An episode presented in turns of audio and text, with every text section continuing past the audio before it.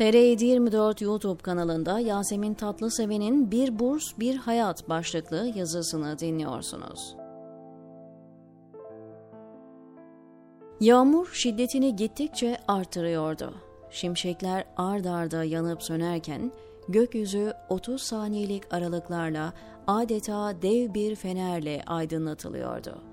Köylüler telaş içinde oradan oraya koşturuyorlardı barakadan ibaret olan evleri dizlerine kadar su içinde kalmıştı. Suyu tahliye etmeyi zaten kimse düşünmüyordu. Suyla birlikte akıp giden 3-5 kap kacak da önemsizdi. İnsanlar uykularının en tatlı yerinde olan çocuklarını gecenin karanlığında korkutmadan uyandırmış, onları güvenli bir alana doğru götürmeye uğraşıyorlardı. Bu yaşadıkları ne ilk fırtınaydı ne de son olacaktı. Yetimhane yaşanan sel felaketleri de dikkate alınarak yüksekçe bir tepeye yapılmıştı. Köylülerin yaşadığı diğer evlere nispeten daha sağlamdı.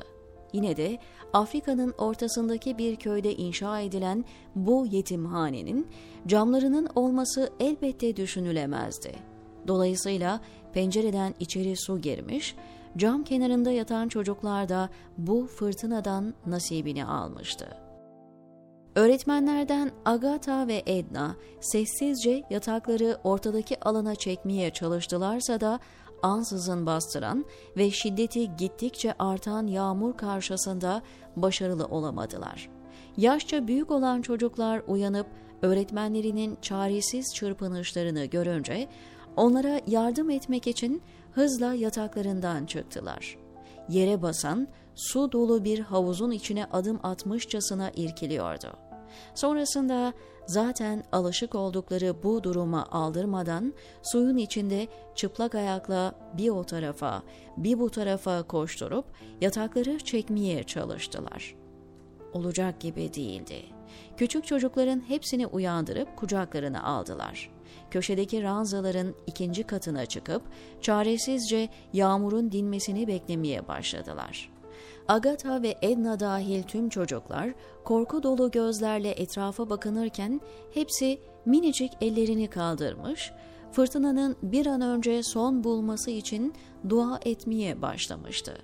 Sabah olmuş, dün akşamki fırtınanın hasarları gün yüzüne çıkmıştı. Muz ağaçları devrilmiş, mısır tarlaları yerle bir olmuştu. Toprak adeta bir balçık havuzuydu. Köylüler en yakınlarını kontrol etmek için çamurlara bata çıka evleri tek tek dolaşıyorlardı. Diana komşusunun kızı Gloria'yı sessizce bir ağacın altında otururken buldu. Zavallı çocuk geceyi ıslak elbiselerle geçirmiş olmalıydı.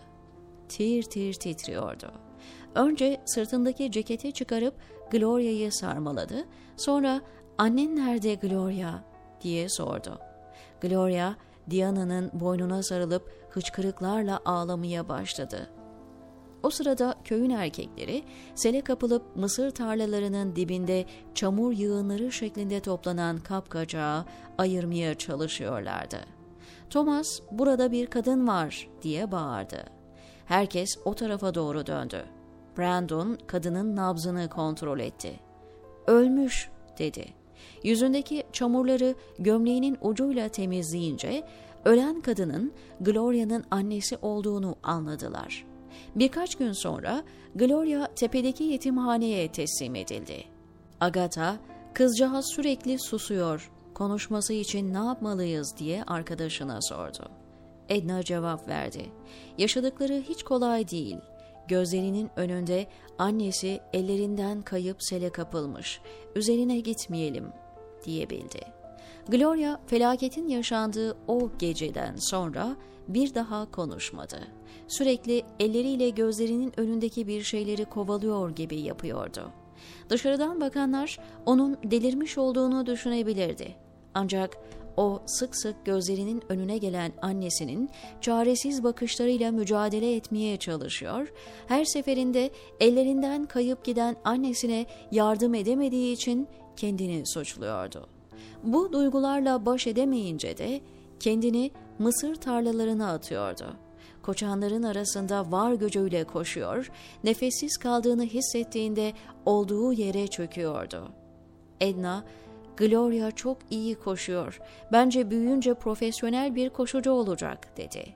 Agatha, farkındayım. Çok hızlı ve aslında iyi bir tedaviye ihtiyacı var. Onun için bir şeyler yapmalıyız, Edna. Bu çocuk buradan uzaklaşmalı ve iyi bir okulda eğitim almalı, dedi. Aslında bu konuşmaları hemen her gün farklı bir çocuk için yapıyorlardı. Onların gözünde her çocuğun ayrı bir yeteneği vardı ve mutlaka çok iyi okullarda okumalıydılar. Aradan aylar geçmişti.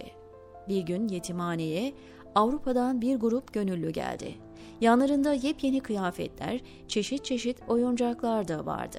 Çocuklar oyuncak dağıtan bu beyaz insanları çok sevmişti. Ayrıca gelen misafirler o gün öğlen yemeği dağıtımı da yaptılar. Yetimhanedekiler çoğu zaman öğlen yemeği yemezlerdi. Akşam yemekleri de bir tabak pilavdan ibaret olurdu. Hiçbir yemek çıkmadığında ise aç yatarlardı. Avrupa'dan gelen bu beyaz adamlar harika bir öğlen yemeği dağıtmışlardı. Bugün oldukça fazla yemek çeşidi vardı. Çocuklar plastik tabakları ellerinde sıraya girip beklemeye başladılar. Yemeğini alan çocuk diz çöküp yemek dağıtanlara teşekkürlerini sunuyordu. Bahçeye çıkıp çimenlerin üzerine yayılan çocukların arasında ufacık bir de kedi vardı. Kedi insandan kaçmıyordu. Yani insana alışıktı. Muhtemelen bu çocuklarla aynı kaderi paylaşan sahipsiz bir kediydi ve onlarla birlikte büyüyordu.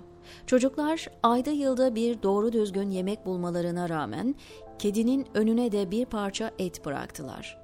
Gönülleri o kadar yüceydi ki daha kendileri doymadan kediyi doyurmanın derdine düştüler. Halime öğretmen bu ülkedeki bir okulda çalışıyordu. Avrupa'dan gelen arkadaşları bir yetimhane ziyaret etmek isteyince onları buraya getirmişti. Halime öğretmen hem çocukların resimlerini çekiyor hem de onları gözlemliyordu. Ufak bir erkek çocuğu cebinden eskimiş bir poşet çıkardı. Tabağındaki pilavın yarısını bu poşete doldurdu. Muhtemelen yemek için bir şeyleri olmadığında bu pilavı yiyecekti. Tabii hala bozulmadıysa. Halime öğretmen gözlerine hücum eden yaşları kimseye göstermemek için arkasına dönüp oradan uzaklaştı. Mısır tarlalarına doğru yürümeye başladı. Önünden 9-10 yaşlarında olduğunu tahmin ettiği bir kız çocuğu koşarak geçti. Vay canına dedi. Çok iyi koşuyor. Aklına başkentte yapılacak maraton geldi. Çocuğun yaşına uygun bir kategoride koşması için neler vermezdi. Yetimhaneye geri dönüp Agatha'yı buldu. Koşan kızla ilgili bilgi aldı. Üzücü hikayesini dinledikten sonra beraber geldiği ekibin yanına gidip konuyu anlattı. Ekipten biri kızın maratona katılabilmesi için tüm masrafları üstlenebileceğini söyledi. İki hafta sonra Halime öğretmen tren garında Agatha ve Gloria'nın gelmesini bekliyordu. Ertesi gün maratona katılan Gloria ilk ona girmeyi başarmıştı. O kadar çok mutluydu ki koşup Halime öğretmene sarıldı ve thank you dedi. Agatha ve Halime öğretmen birbirlerine baktılar. Gloria aylardan sonra ilk defa konuşmuştu. Halime öğretmen boş durmadı. Okul müdürüne Gloria'dan bahsetti. Gelecek yıl spor aktivitelerinden verecekleri 3 burstan birinin Gloria'ya verilmesine karar verdiler. Okula 5. sınıftan spor bursuyla giren Gloria öyle çok çalıştı ki her yıl başarı bursu alarak 12. sınıfa geldi. Bu arada Halime öğretmen ve okul yönetimi Gloria ile özel olarak ilgilenmişti. Önce tedavisini yaptırdılar. Sonra yatılı yurda yerleştirdiler. Gloria kendisini sahipsiz hissederken hiç beklemediği bir anda hayatına güneş gibi doğan bu insanları çok seviyordu. 12. sınıfta bilim olimpiyatlarına katılmaya karar verdiğinde projesini destekleyenler yine Halime öğretmen ve okul idaresi olmuştu. Gloria'nın projesi ikincilik ödülüne layık görülmüş ve bu proje sayesinde Amerika'daki bir üniversiteden kabul almıştı. Gloria yetimhaneden çıktığında tam olarak 10 yaşındaydı. şu anda 26 yaşını bitirmişti. Dünya ve çevresel mühendislik alanında eğitim aldıktan sonra ekoloji, evrim ve çevresel biyoloji dalında yüksek lisans yapıp Kolombiya Üniversitesi'nden mezun olmuştu. 16 sene sonra köyüne bir iş görüşmesi için geri dönmüştü. Buraya çalıştığı şirketle birlikte geliştirdikleri bilim olimpiyatlarında ödül almasını sağlayan projesini hayata geçirmek için gelmişlerdi. Devletle yapılan anlaşmalar imzalanmış, resmi işlemler tamamlanmış, şantiye kurulmuş ve inşaat işleri başlamıştı. Gloria, eskiden yetimhanenin olduğu tepeden şantiyeyi izliyordu. Telefonu çaldı. Arayan Halime öğretmendi. Yıllar geçmesine rağmen Halime öğretmenle olan irtibatları hiç kopmamıştı. Uzun uzun anlaşmaların bittiğini ve inşaatın başladığını anlattı. İyi ki varsınız öğretmenim dedikten sonra telefonu kapattı. İçinden bu güzel insanlar karşıma çıkmamış olsaydı bu köyde yaşlanıp giderdim herhalde diye geçirdi. Bir anda içini büyük bir huzur kapladı. Nihayet annesine ve doğduğu köye karşı vefasını gösterebilmişti. Tepeden aşağı bakarak gülümsedi. Çünkü mısır tarlalarının içinde annesinin gülümseyen yüzünü görmüştü. Gloria'nın 12. sınıftaki projesi Bilim Olimpiyatları ikincilik ödülü 1. Yağmur zamanı ve yoğunluğunun belirlenmesinde kullanılan radar sistemi. 2. Bu uyarı sistemiyle koordineli çalışacak bir kurtarma ekibi. 3. Dere yataklarının ıslahı. 4. Dere ve nehirlerin denizlerle birleştiği kanalların temizliği. 5. Erozyonu ve sel baskınlarını önlemek için yeşil alanların korunup artırılması. 6.